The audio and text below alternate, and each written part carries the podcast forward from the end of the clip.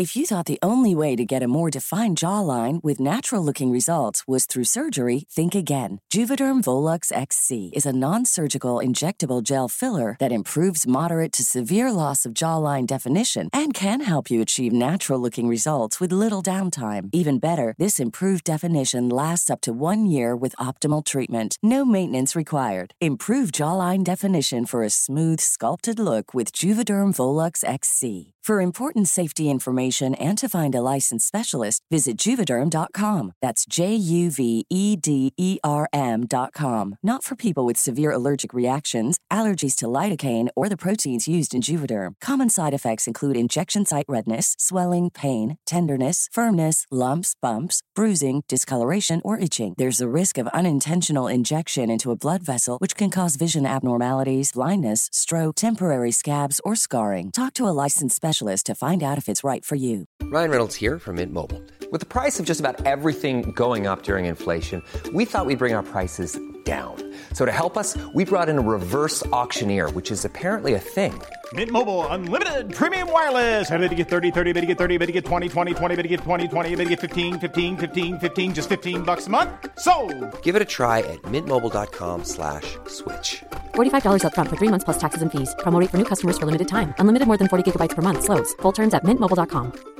Hey, I'm Ryan Reynolds. At Mint Mobile, we like to do the opposite of what Big Wireless does. They charge you a lot, we charge you a little. So naturally, when they announced they'd be raising their prices due to inflation, we decided to deflate our prices due to not hating you.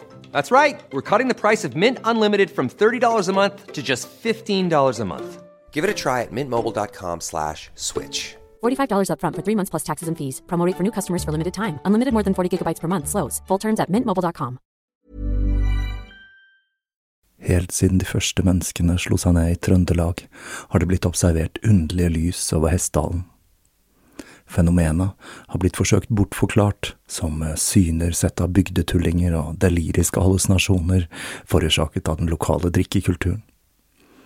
Men det skulle vise seg at fenomenet stakk langt dypere, når Hessdalen-fenomenet fikk verdensomspennende oppmerksomhet i ufo-miljøet på 1980-tallet. Fenomenet er fremdeles der, og det er fremdeles like uforklarlig som den gang. I 2024 kommer en podkastserie i seks deler produsert av Project Hessdalen, som kanskje en gang for alle skal finne svar på hva som rører seg på himmelen i denne bortgjemte dalen i Trøndelag. Serien har som seg hør og bør fått tittelen A Blaze in the Northern Sky, og den kommer til din favorittpodkastavspiller i 2024.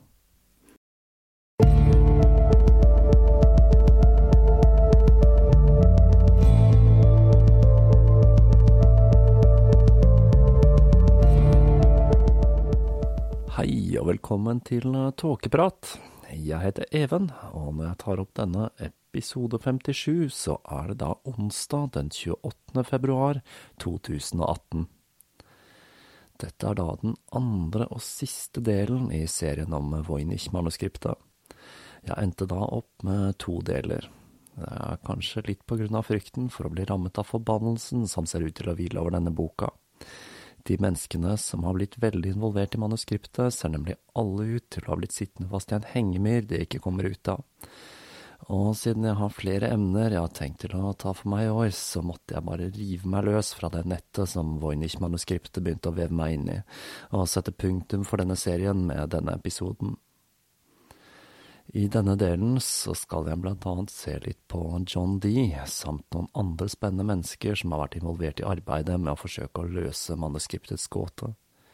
Jeg kommer også til å gå gjennom noen plausible, og noen ikke fullt så sannsynlige, teorier om opphavet til det. Det er da dessverre mange personer, forskjellige analyser og teorier jeg ser meg nødt til å utelate fra disse to episodene men jeg håper jeg har klart å fange essensen og gi dere som hører på, litt bedre forståelse av hva som gjør dette manuskriptet så unikt.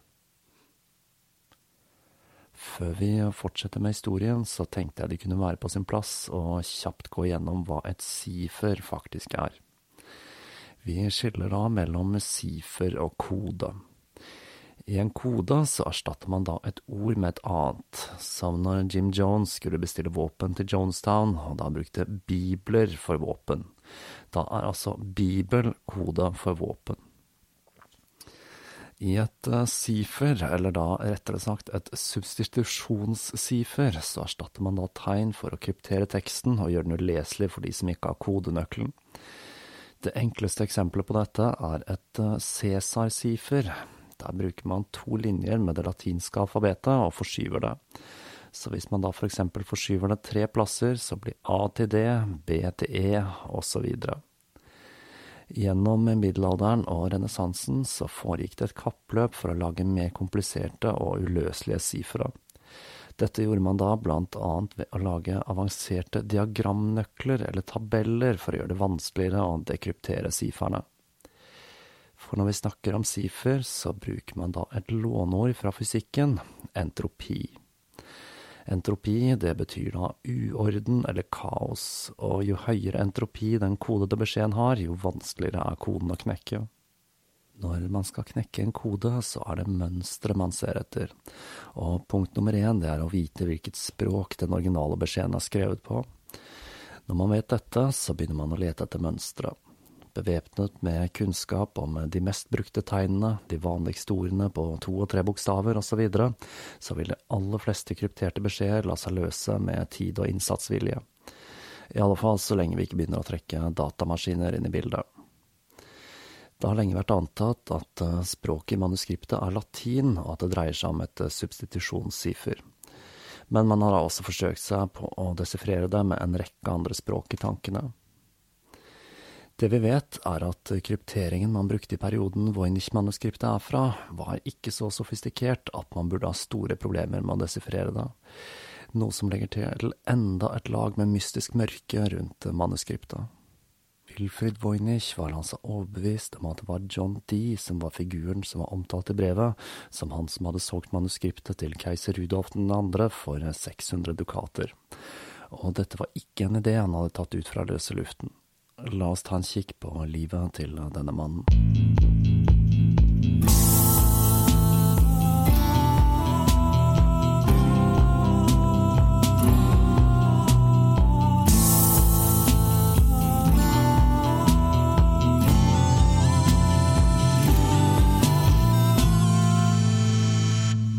John Dee hadde flere likhetstrekk med Roger Bacon. Han var også en multikunstner med en svakhet for vitenskap. Han ble født i juli 1527 og var sønnen til en velstående kjøpmann. Han studerte ved Cambridge, hvor han spesialiserte seg på matematikk. Dette var en svært turbulent tid i England, og kampen mellom katolikker og protestanter førte til en reform som kalles oppløsningen av klostrene, under da Henry den åttende. Denne varte fra 1536 til 1541. I denne prosessen ble mange av bøkene og manuskriptene i klostrene destruert, og mye kunnskap gikk tapt. John Dee, som ikke brydde seg så mye om kristne dogmer, men var svært opptatt av litteratur, vitenskap og kunnskap generelt, samlet på bøker fra disse klostrene, noe som gjorde at han i 1583 hadde flere bøker enn Cambridge og Oxford til sammen. Dette inkluderte flere av verkene til Roger Bacon. John Dee sin lefling med det okkulte og åpne sinn gjorde at han ble mistenkeliggjort en rekke ganger. I 1547 så bygde han da en flygende skarabé til en oppsetning av skuespillet Fred av Aristofanes ved Trinity College. Dette førte da til at han ble anklaget for trolldom og måtte rømme fra England. Han bosatte seg i Brussel i 1548, hvor han fortsatte å utvide sin vitenskapelige horisont, da annet innen måling, kartografi og astronomi. Han var dypt fascinert av det nye vitenskapelige verdensbildet, som da ikke var basert på Bibelen, men på observasjon og måling. Når han kom tilbake til England, like etter Henry den åttendes død, var landet i kaos, og når den katolske doktrinen ble gjeninnført under dronning Mary, så ble dette markert med 300 protestanter som ble brent levende i 1555. Det var med andre ord ikke så lett å velge riktig side i denne konflikten. I dette klimaet så ble John Dee fengslet, mistenkt for å ha forsøkt å forhekse dronningen. Men han slapp fri, blakk, men uskadd, etter tre måneder i fangehullene. Når dronning Mary døde barnløs i 1558, så ble hennes halvsøster Elisabeth dronning, da som Elisabeth den første. Og da hun var på godfot med John Dee, så endret livet hans seg betraktelig. Etter å ha fastsatt den beste astrologiske datoen for kroningen hennes, den 15. januar 1559, så ble han Elisabeths hoffastrolog.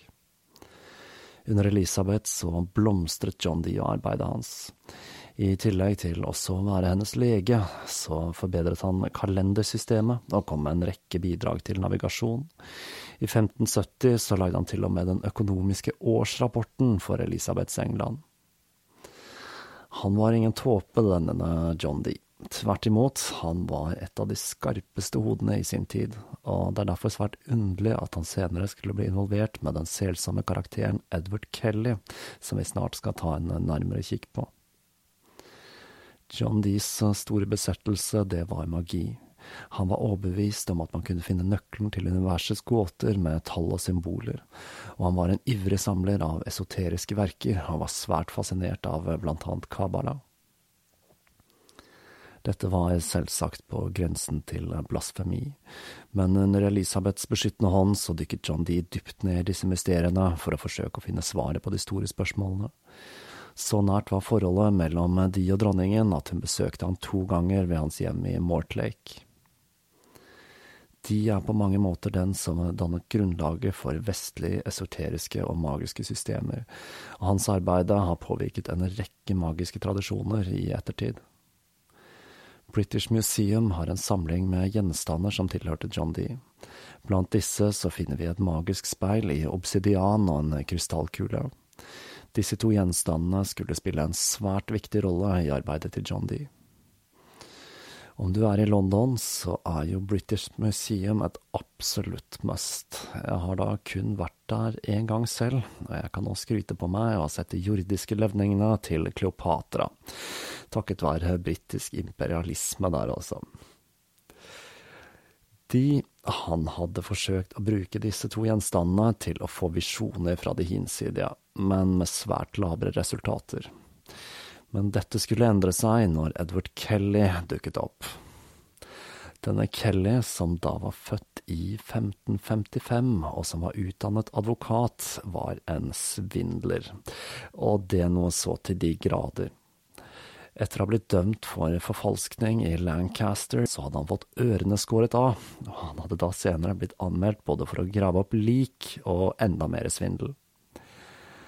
Han måtte flykte fra enda flere anklager i London når han da troppet opp i huset til John Dee våren 1582. Denne Kelly skulle raskt vise seg å være svært dyktig til å få fantastiske visjoner i det magiske speilet og krystallkulen og dette er et av de store mysteriene i livet til John Dee. Hvorfor en mann av hans kaliber, som var opptatt av rasjonell tenking, da lot seg så lett overbevise om at Kelly var ekte vare. Men like etter denne mannen uten ører dukket opp hos John Dee, så begynte altså de to å samarbeide. Kelly hadde visjoner, og de han skrev ned hva Kelly fortalte. De kommuniserte med åndevesener som engler, og informasjonen de mottok ble oversatt til diagrammer og symboler. For de som er interessert i deres magiske arbeider, så er disse åpenbaringene samlet i boka med det omstendelige navnet A True and Fateful Revelation of What Passed for Many Years Between Dr. John Dee and Some Spirits. En skikkelig klassiker der, altså, og en bok jeg da selv har flere utgaver av. I likhet med Voynich-manuskriptet så er den rikt illustrert med deres mange fantastiske diagrammer og alfabet. De var klar over at eh, ikke alle de overnaturlige vesenene de hadde kontakt med, var gode, og også at arbeidet de bedrev gjorde at de kunne bli anklaget for trolldom når en barneånd, som da het Maldini, de kommuniserte med, hadde advart de to om at noe fryktelig var i ferd med å skje i 1583, så bestemte John Dee seg for å dra til kontinentet. Han og Edward Kelly de tok med seg familiene og la ut på en ferd ledet av åndene i det magiske speilet. Først så dro de til grev Laski, en polsk adelsmann som var svært interessert i alkemi. Men da det begynte å storme litt rundt en Lasky politisk, så satte de kursen til Praha, hvor de ankom i 1584. Og det er her livene til John Dee og Edward Kelly veves inn i historien om Voynich-manuskriptet. Rudolf 2., konge av Bohemia og den hellige romerske keiser, hadde nok å henge fingrene i. I tillegg til tyrkerne som truet i øst, så var riket hans gjennomsyret av den pågående konflikten mellom de ulike kristne fraksjonene i Europa. Rudolf, som da trodde han var forhekset og skulle dø før han fylte 50, tilbrakte det meste av tiden i slottet Rad over elven Vlatava. Han var da en ivrig samler av ting som evighetsmaskiner og automater, i tillegg til litteratur om alkemi og mystisisme. Samlingen hans kunne da blant annet skilte med flere av verkene til Bacon.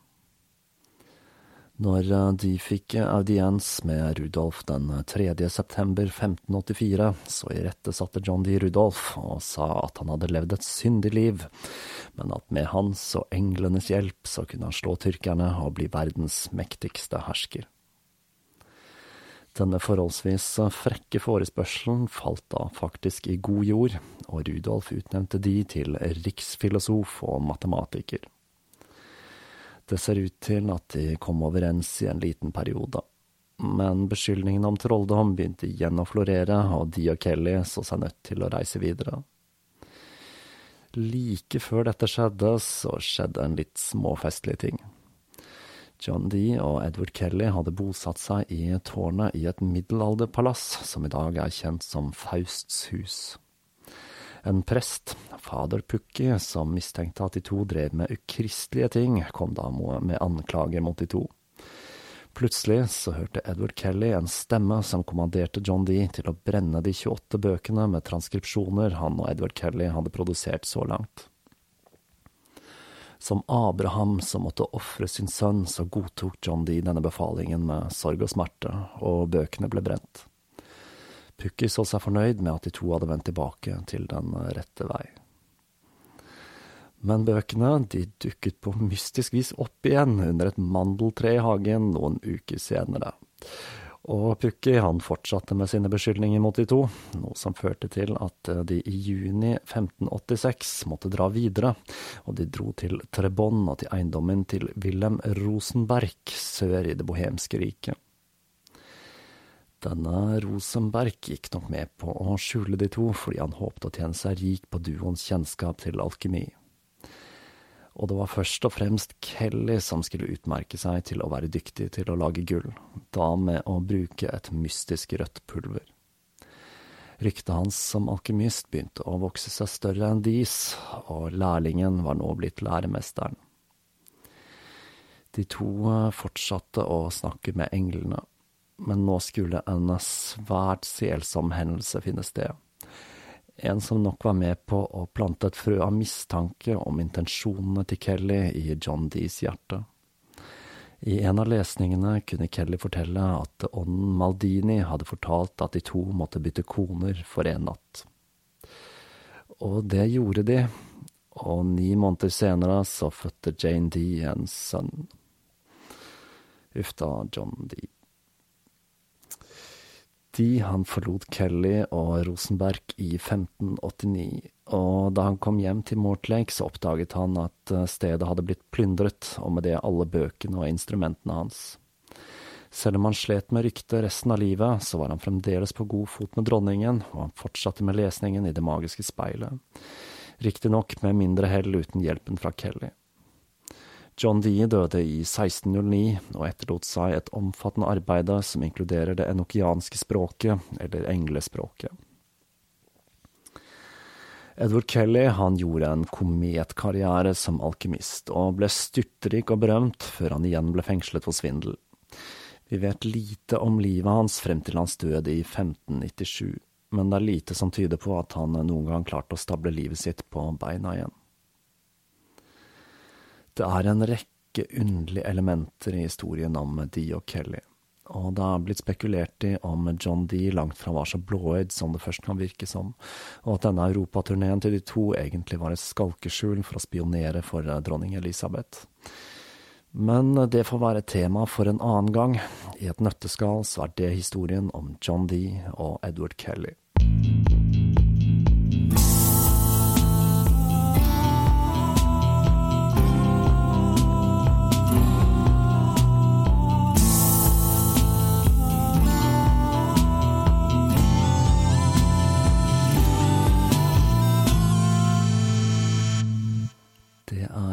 Ikke urimelig å anta at Voynich-manuskriptet var i Dees besittelse, og at dette var en del av samlingen med bøker han hadde tatt med seg på reisen til kontinentet. I dagbøkene til Dee så skriver han at han den 17. oktober 1586 var i besittelse av 630 dukater. Var dette det beløpet som ble omtalt i brevet som var festet i manuskriptet når Wilfrid Voynich kom over det? Voynich selv hevdet at dette var bevis på at det var John Dee som hadde solgt manuskriptet til Rudolf. Men dette, som så mye annet om manuskriptet, skulle vise seg å ikke stemme. De 630 dukatene var en del av en sum som skulle brukes for å bestikke denne presten Pukki, som da var blitt litt for ivrig i å påpeke at det de to drev med var ukristelig. Og det var ikke sånn at de to hadde dårlig råd og om det faktisk var de som overleverte boka til Rudolf, så er det mer sannsynlig at han ville gitt den som gave for å vinne keiserens gunst enn å forsøke å tjene penger på den. Når eh, Kelly begynte sin karriere som alkymist, så formelig veltet de seg i penger. Og Kelly han kjøpte et smykke til Jane Dee for 300 eh, dukater for å innsmigre seg hos henne, ikke lenge før han fikk åpenbaringen om at de to skulle bytte koner for en natt. En annen teori som har florert, er at det var de og Kelly selv som hadde skrevet manuskriptet, for da å selge det til Rudolf. Men som vi har sett, så hadde de ikke behov for pengene, og vi vet nå i dag at uh, dette neppe stemmer, så jeg skal da ikke bruke for mye tid på dette temaet. Var John Dee noen gang i besittelse av det underlige manuskriptet? Vel, kanskje, fordi Voynich hadde nemlig ristet enda en hemmelighet ut av de mystiske sidene. Mens han holdt på å lage fotostater, så undereksponerte han det ene bildet ved et uhell. Og da oppdaget han at det i margen på den første siden kunne skimtes en signatur. Jacobus di Tepenesch. Denne Tepenesch var en bohemsk vitenskapsmann som hadde tilknytning til hoffet til Rudolf 2. Han hadde høstet enorm suksess med sin mirakelkur, Aquasiniapius, som da skulle ha kurert keiseren for en sykdom. Og han ble så rik på grunn av dette at han da kunne låne penger til Rudolf, og han ble etter hvert adlet. Det antas at han måtte ha kommet i besittelse av boken i perioden mellom 1608 og hans død i 1622, og at manuskriptet enten var en gave eller et lån fra keiseren. Do you love anime, gaming, movies, and discovering how your favorite pop culture affects everything you do? Then join us on Crunchyroll Presents The Anime Effect. I'm Nick Friedman. I'm Lee Alec Murray. And I'm Leah President. Every week, you can listen in while we break down the latest pop culture news and dish on what new releases we can't get enough of. Whether you love movies, I'm going to tell you all about the uh, hopeful 4K re release of Tron Legacy that happens. I'm right there with you. Or music. The music in this show Yeah. is absolutely incredible. Or anime. And under this mask is another mask. you can discover your new favorites right here on The Anime Effect. Listen every Friday wherever you get your podcast and watch full video episodes on Crunchyroll or on the Crunchyroll YouTube channel. How would you like to look five years younger? In a clinical study, people that had volume added with Juvederm Voluma XC in the cheeks perceived themselves as looking five years younger at six months after treatment. Look younger, feel like you. Add volume for lift and contour in the cheeks with Juvederm Voluma XC. Reverse signs of aging by adding volume to smooth laugh lines with Juvederm Volure XC. For important safety information and to find a licensed specialist, visit juvederm.com. That's J U V E D E R M.com. Not for people with severe allergic reactions, allergies to lidocaine, or the proteins used in Juvederm. Common side effects include injection site redness, swelling, pain, tenderness, firmness, lumps, bumps, bruising, discoloration, or itching. There's a risk of unintentional injection into a blood vessel, which can cause vision abnormalities, blindness, stroke, temporary scabs, or scarring. Talk to a licensed specialist to find out if it's right for you. Med litt detektivarbeid og hjelp fra de bohemske statsarkivene, så fant Voynich ut at denne doktor Rafael, som hadde skrevet brevet og sendt det sammen med manuskriptet til jesuittpresten Atanasius Kircher, var en advokat og poet hvis fulle navn var doktor Rafael Misowski som da hadde blitt en del av hoffet til Rudolf og senere til Ferdinand den tredje men hvem den mystiske tidlige eieren som ble omtalt i brevet var, var fremdeles uklart for Voynich. Men brikkene begynte å falle på plass, i alle fall deler av historien om eierskapet til det underlige manuskriptet begynte å tre fram fra skyggene. Identiteten til den mystiske tidlige eieren skulle ikke bli avslørt før etter Wilfrids død i 1930, ved hjelp av professor Robert S. Bramburg ved Yale, som da var en fremtredende figur i forskning på Voynich-manuskriptet. Han hadde direkte tilgang til manuskriptet da dette senere ble donert til Binke-biblioteket, og han skulle selv hevde å ha desifrert deler av teksten. Han gikk gjennom brevene Voynich hadde utvekslet med de bohemske statsarkivene. Og der ble det hintet om at Marci kunne ha overtatt manuskriptet etter George Barcius, en alkymist Marci hadde arvet biblioteket til. Dette sporet skulle en annen Voynich-entusiast, René Sanderberg, plukke opp senere.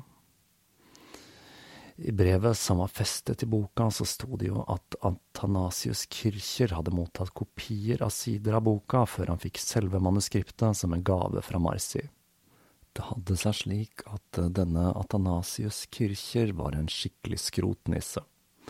Han tok vare på alt, og den gigantiske samlingen hans med brev, bøker, dingser og bomser gjorde at tingene, som da ble oppbevart i et stort lager, tiltrakk seg mange skuelystne, og i praksis ble et av verdens første museer åpent for allmennheten. All korrespondansen hans ble arkivert i et universitet i Roma og holdt unna offentligheten, før en fader Marcel Chapin lot den amerikanske akademikeren Michael John Gorman publisere de på nett. Og det var der René Sanderberg plukket opp tråden. Og bingo. Han fant et brev fra George Baresh i Praha til Athanasius Kircher med en beskrivelse av en bok som utvilsomt var Voynich-manuskriptet så nå var en del av historien til manuskriptet avdekket. Den første bekreftede eieren var Jacobus Horkiki, som da hadde skrevet navnet sitt i margen etter 1608. I 1630 så var det alkymisten George Baresh som eh, slo det, før Marcus Marci arvet det på begynnelsen av 1640-tallet. Marci diskuterte boken med doktor Rafael Misowski ved hoffet til Ferdinand 3., og han fortalte at han visste Rudolf 2. hadde kjøpt det for 600 dukater, og også at han trodde det kunne være skrevet av Roger Bacon. Til slutt så bestemmer Marcy seg for å sende boka til Athanasius Kircher på midten av 1660-tallet. Men som med så mye annet med dette manuskriptet, så er ikke dette helt sikkert, da fordi signaturen i boka har senere vist seg å ikke stemme overens med de andre signaturene man har fra denne Jacobus.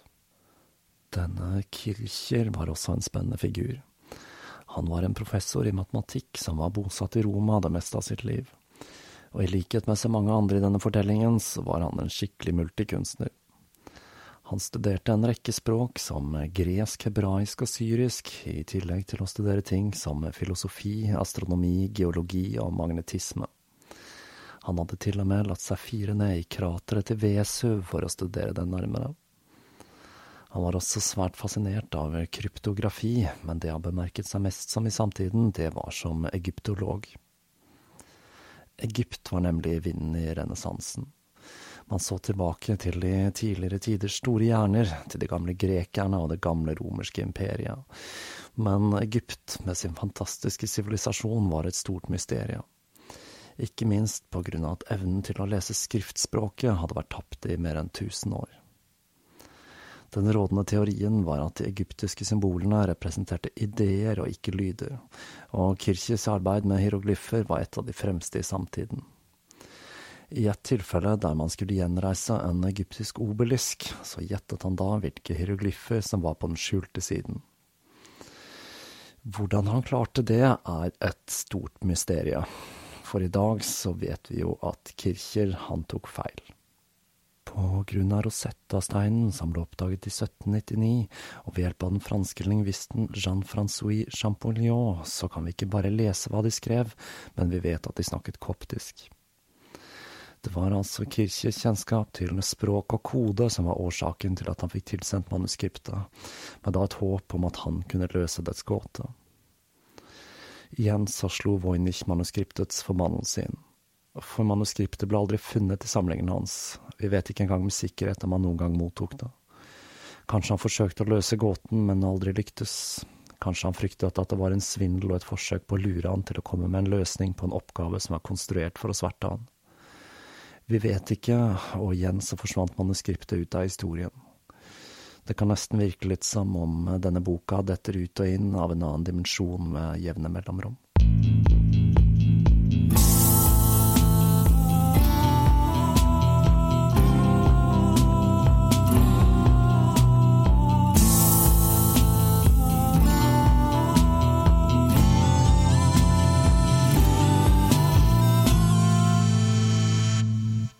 Blitt gjort svært mange forsøk på å desifrere teksten, og jeg har ikke tenkt til å begi meg inn på alle her.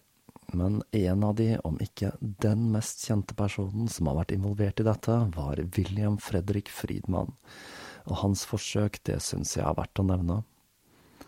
Friedmann var en russisk jøde som hadde flyktet med familien til Amerika i 1892 på grunn av jødeforfølgelse.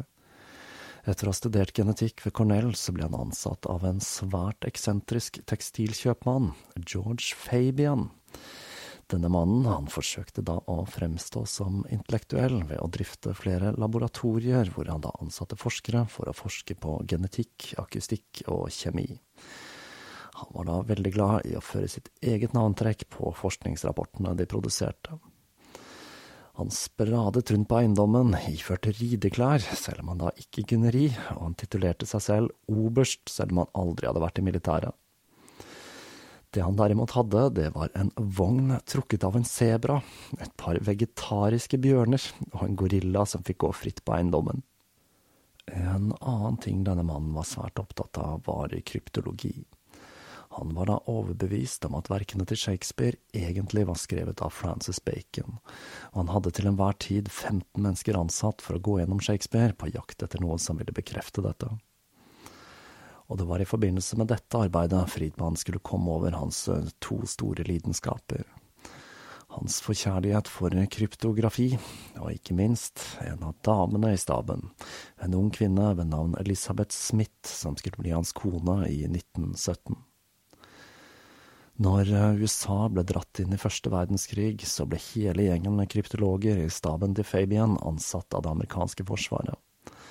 Friedmann skulle raskt vise seg å være svært begavet i kryptografi, og hans pamflett ved navn En oversikt over tilfeldigheter og dens bruk i kryptografi, som da beskrev hvordan han brukte to nye statistiske teknikker for å knekke to spesielt kompliserte sifer, ble da regnet som den viktigste publikasjonen i kryptologi fram til den datoen. Men den tingen han er aller mest kjent for, er å desifrere koden til den japanske 97 shiki ibun injiki, eller som amerikanerne kalte den, Purple. Det sier vel en del om kulturforskjellene, de to navnene der, da. Dette var en ekstremt komplisert kodemaskin som besto av en rekke kabler festet til et modulært brett med en rekke rotorer, som da ble operert ved at man skrev inn en tekst på en skrivemaskin, og etter signalet som konstant skiftet bane i virvar av ledninger for å skape høyest mulig entropi. Til slutt nådde skrivemaskin nummer to, så fikk man da en korresponderende tekst i sifer. Med sin teknikk i statistisk analyse så kastet Friedmann seg over dette problemet, og i løpet av noen eh, få måneder så hadde han og teamet hans klart å reprodusere Purple, og de hadde løst det japanske siferet. Friedmann han hadde blitt interessert i Voynich-manuskriptet når han hadde deltatt på de første forelesningene til Voynich på 20-tallet, og etter teamet hans hadde løst Purple, så kastet de seg over manuskriptet. De gikk da vitenskapelig til verks, men arbeidet ble avbrutt når krigen tok slutt og gruppen ble løst opp. Men Friedmann og kona fortsatte å jobbe med den vojenesiske teksten, og etter å ha publisert en artikkel om Friedmanns analyse av teksten, så gjorde han noe veldig spennende. Han hadde nemlig en hypotese om hva den mystiske teksten inneholdt, men han var ikke sikker, så han skrev et anagram som inneholdt hypotesen, og løsningen, den skulle ikke publiseres før de enten hadde bekreftet hypotesen, noen andre kom fram til det samme svaret, eller etter hans død. Anagrammet var I put no trust in anagrammic acrostic ciphers, for they are of no real value, a waste and may prove nothing. Finis. Mange forsøkte, men ingen klarte å løse anagrammet, og Friedmann han fortsatte arbeidet med manuskriptet før prosjektet til slutt ble avsluttet i 1963 uten at de hadde klart å bevise hypotesen. I årene som fulgte, så fortsatte Friedmann å hevde at han trodde de var på rett spor, og han sa blant annet at han trodde det dreide seg om noe helt annet enn et substitusjonssiffer. Det var først etter hans død i 1970 at anagrammet ble offentliggjort, og fra graven så kunne Friedmann fortelle. The Voynich MSS was an early attempt to construct an artificial or unicursal language of a priori type. Friedman. Han mente altså at dette ikke dreide seg om et substitusjonssiffer, men et helt nytt språk. Kunstige språk blir da delt i to kategorier, det vanligste er et posteriorspråk, hvor man da baserer språket på allerede eksisterende språk. Det mest kjente her er vel esperanto, et språk som er konstruert for å være nøytralt, og som er tenkt å kunne fungere på tvers av kultur og landegrenser. Et priorispråk, derimot, er basert på helt andre kriterier. Man deler de menneskelige opplevelser inn i logiske kategorier, og språket kan ikke bare bygges opp av tegn, men også av ting som farger og noter. Denne typen kunstige språk ble først forsøkt utviklet på 1600-tallet. Som vi vet, da, for hadde Friedmann rett, så ble dette forsøkt tidligere, og vi vil aldri kunne lese manuskriptet uten å forstå hvordan dette språket er bygget opp, om hans hypotese er riktig. Det er mange fasetter av dette underlige manuskriptet jeg kunne tatt for meg, mange tråder jeg kunne fulgt, som det litt bemerkelsesverdige at 500 av kvinnene i boka er blonde, selv om manuskriptet antas å stamme fra Nord-Italia. At det er blitt hevdet at en av plantene i boka illustrerer en solsikke, en plante som da stammer fra det amerikanske kontinent. Parallellene til Hildegard von Bingen, hennes visjoner og skriftspråk. Koblingen mot automatskrift og mystiske stadier. Ideen om at det ikke stammer fra Europa i det hele tatt, og at språkstrukturen minner mer om asiatiske språk. For ikke å snakke om hypotesen om at dette er en kryptert selvmordsmanual skrevet av etterkommere av qatarer som overlevde korstoget i 1209. Det er det som er med denne boka. Den er et dragsug, er det én ting jeg har lært av historien om dette manuskriptet, så er det at slike sfinkser adlyder kun sin herre, og at noen ganger så er det best å la mysteriet ligge. Flere ting har dukket opp i de senere år. I 2009 så ble pergamentet i manuskriptet karbondatert, og det viste seg at det stammer fra mellom 1404 og 1438. Noe som utelukker Bacon og gjør det lite sannsynlig at John Dee eller Voynich selv står bak manuskriptet. Det ble nemlig lenge mistenkt at Voynich kunne ha en finger med i spillet, men det stemmer altså ikke, selv om han da kanskje kan ha forfalsket signaturen i margen. Manuskriptet, det er ekte, i hvert fall i den forstand at det ikke er av nyere dato. Det siste tilskuddet til forskningen på Voynich-manuskriptet kom så sent som i 2017, når professor Greg Kondrack fra Universitetet Alberta sammen med sin elev Bradley Hower presenterte et prosjekt der de hadde forsøkt å desifrere manuskriptet med et program drevet av kunstig intelligens som er laget for å kunne identifisere språk i anagrammer der språket er ukjent. Språket de kom fram til, er hebraisk. Dette gjør jo at antagelsen om at manuskriptet på en eller annen måte er knyttet til Kabala, bør tas på alvor. Men her må det jo sies at ikke alle er like enige i funnet til denne professoren. Jeg har bitt meg merke i at eh, mange nettaviser turer på med overskrifter om at mysteriet er løst, og henviser til dette prosjektet. Men dette er altså ikke den endelige løsningen på gåten, men det er mulig enda en brikke i puslespillet har falt på plass. Eller kanskje denne canadieren er en ny Newbold. Han vil i så fall føye seg inn i en lang rekke med mennesker som har brent seg når de har forsøkt å løse dette mysteriet.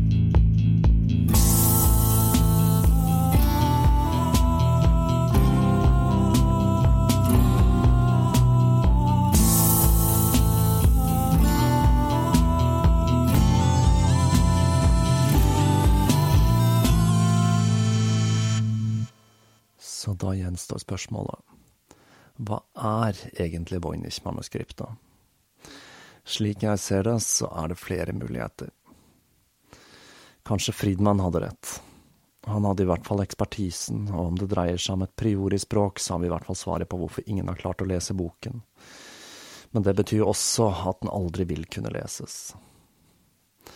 En annen teori som virker plausibel, er at det er skrevet av en autistisk eller schizofren mann eller kvinne, som da har forsøkt å gjenskape noe han eller hun har sett i en annen bok, og at manuskriptet derfor ikke har noen mening utover forestillingene til denne personen. Dette vil kunne forklare de mange uidentifiserbare plantene og de merkelige illustrasjonene. Dette kan dreie seg om en tekst som er kryptert for å holde innholdet hemmelig for utenforstående. Her er en av de første tingene som slo meg, at eh, dette kan dreie seg om fruktbarhet, og at boka kan tenkes å inneholde beskrivelser av forskjellige metoder for prevensjon og kontroll av fruktbarhetssyklusen.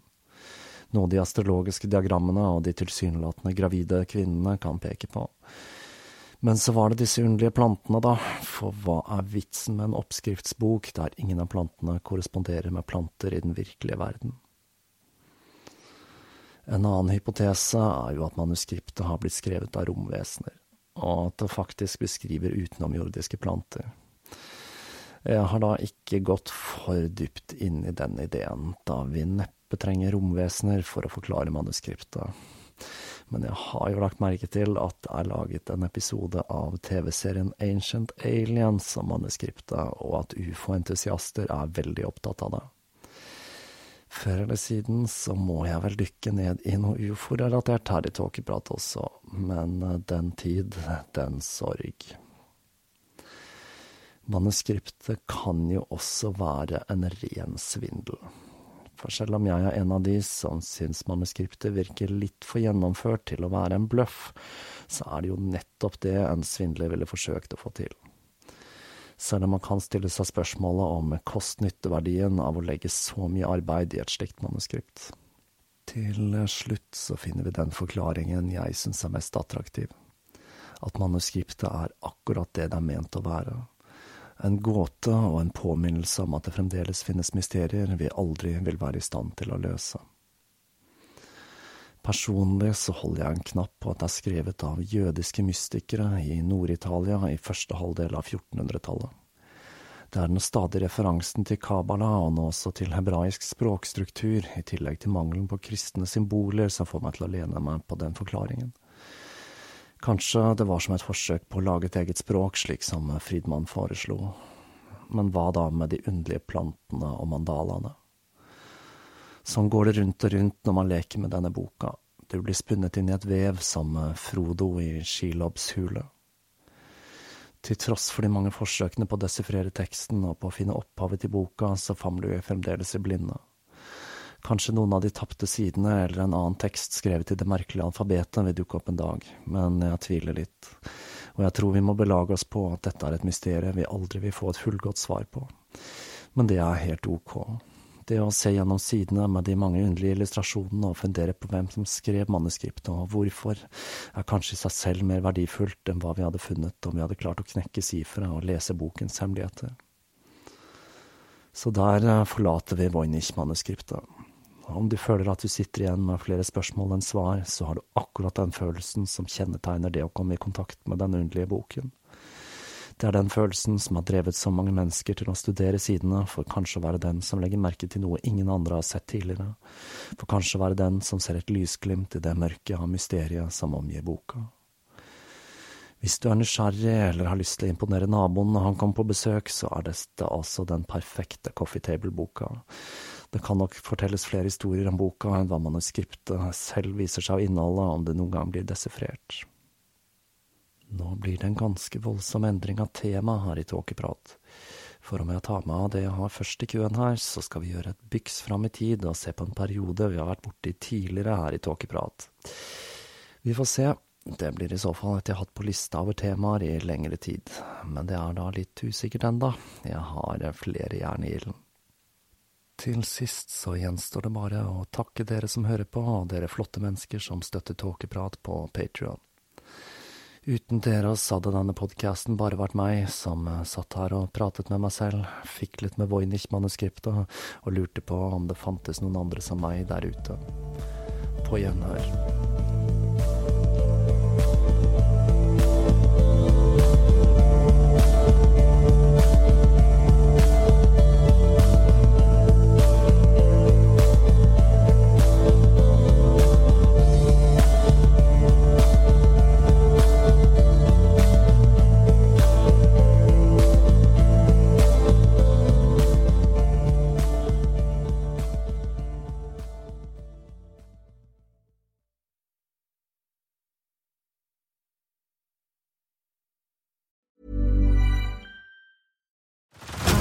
Head over to Hulu this March, where our new shows and movies will keep you streaming all month long. Catch the acclaimed movie All of Us Strangers, starring Paul Mescal and Andrew Scott.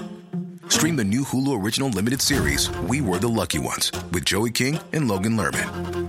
And don't forget about Grey's Anatomy. Every Grey's episode ever is now streaming on Hulu. So, what are you waiting for? Go stream something new on Hulu. Where's that dust coming from?